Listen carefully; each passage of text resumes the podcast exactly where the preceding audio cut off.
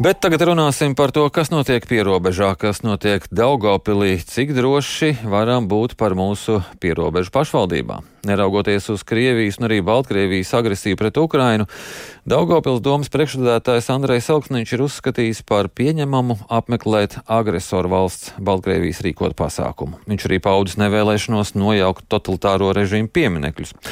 Tikmēr valsts drošības dienests izplatīs informāciju, ka Krievijas un Baltkrievijas spēcdienestiem ir īpaša vēlme savervēt austrumu robežu stūmā esošo pašvaldību amatpersonas. Un par to visu kā uz to raudzīties. Runāsim ar politologu sabiedrisko attiecību firmas Mēdītilts līdzīpašnieku Filipu Rajevski. Labrīt! Labrīt! Daugopils mērs Andrejs Selksniņš. Kā vērtējama viņa rīcība? Tā nav uzskatām par tādu apzināti izaicinošu. Jā, es domāju, ka tas ir tāds ļoti apzināta rīcība, vai, vai mēs varam viņu saukt apzināti izaicinoši. Es nezinu, viņi ir apzināta politiska rīcība, kura ir vērsta uz to, lai, teiksim tā, servētu to vēlētāju, kuru viņš ir saskatījis kā perspektīvu pats sev, jeb arī varbūt viņš redz, ka tas vēlētājs ir bijis jau iepriekš viņam un lai viņš varētu viņu noturēt. Uh, līdz ar to es domāju, ka tā ir ļoti apzināta un ļoti precīzi izkalkulēta rīcība, kāpēc viņš tā rīkojās un, un kāpēc viņš ar šādu, teiksim tā, uh, rīcību, kas ir nu, spēcīgākā ziņa savam vēlētājam, uh, ir, ir šobrīd izceļās. Apzināti politiska rīcība, tad uh, kāds mērķis ir bijis rīcībai apmeklēt uh, Baltkrievijas uh, rīkot pasākumu? Es domāju, ka tā, tā, tā problēma ir, ka mēs, nu, nevienam nav noslēpums, ka pierobežā uh, ir ilgu, ilgu laiku, teiksim, tā daudziem Latvijas cilvēkiem grilēts smadzenes ar Krievu propagandu. Un, un šajā gadījumā es domāju, ka šis, šī rīcība ir orientēta, lai šiem cilvēkiem uh, Uh, kuri arī, nu, viņi netic tam, kas notiek uh, uh, Ukrainā, viņi atbalsta, atbalsta Putina režīmu.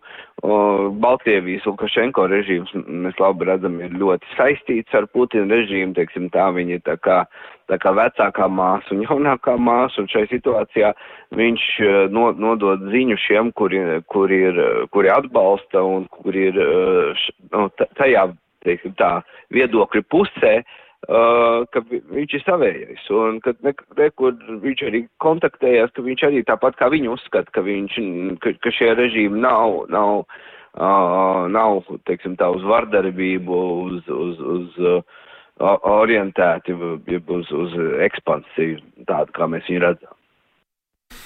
No vienas puses saskaņa nosoda Krievijas agresiju, no otras puses tad Elksniņš dodas uz šādu pasākumu, bet viņš jau arī tā, no vienas puses saprot par to, ka tas izraisīs nu, diskusijas un šo rīcību vērtēs kā, kā, kā, kā, kā nepiedienīgu.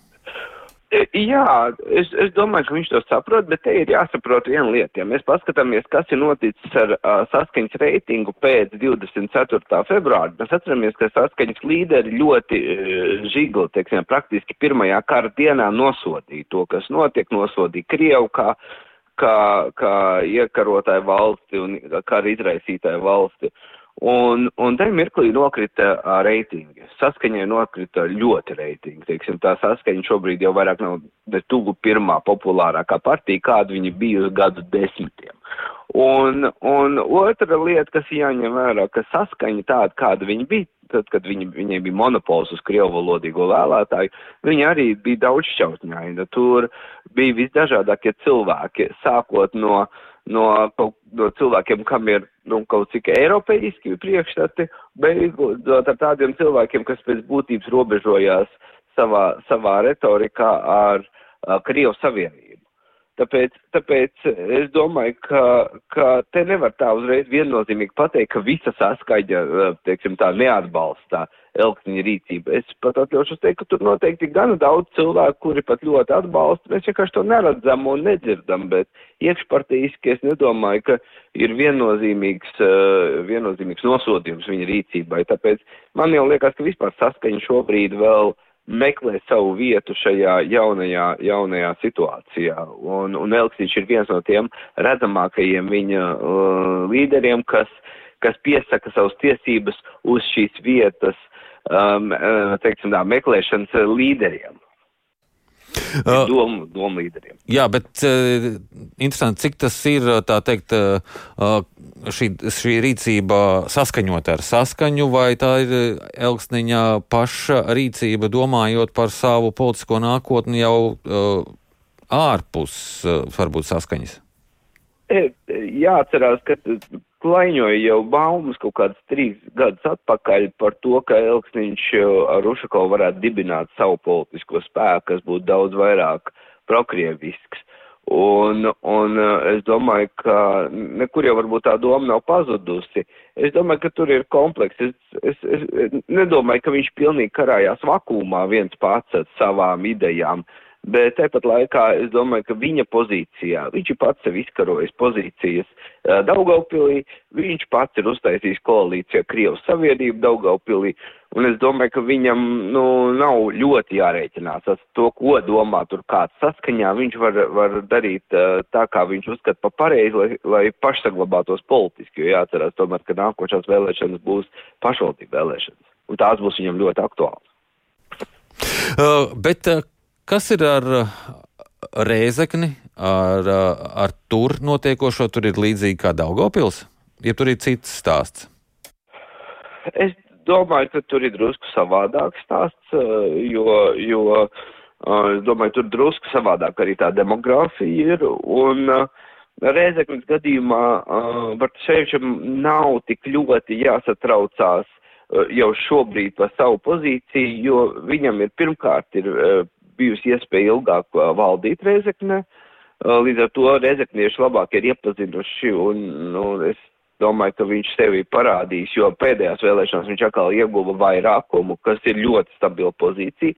Tāpēc es domāju, ka viņš izmanto, kā jau pieredzējis politiķis, jo šeit mēs atceramies, ir bijis ilgu laiku arī parlamenta deputāts, un viņš daudz ilgāk politikā nekā Elksniņš. Es domāju, ka viņš izmanto iespēju nogaidīt Un, un tā intensīvi sev neiezīmēt kaut kādā vienā vai otrā pusē, bet nogaidīt un mēs uzzināsim viņa, teiksim, tā uh, uh, viedokli un viņa pozīciju šajā jautājumā tikai tad, kad būs tuvāk uh, vēlēšanas, tad, kad viņš sāk saprast, ja mērīt to temperatūru, kāda ir rezekniešu vidū, uh, par, nu, ja mēs runājam par šo jautājumu, kas ir saistīts ar kāru. Jā, un tad īsumā, cik droši mēs varam būt par mūsu pierobežu pašvaldībām?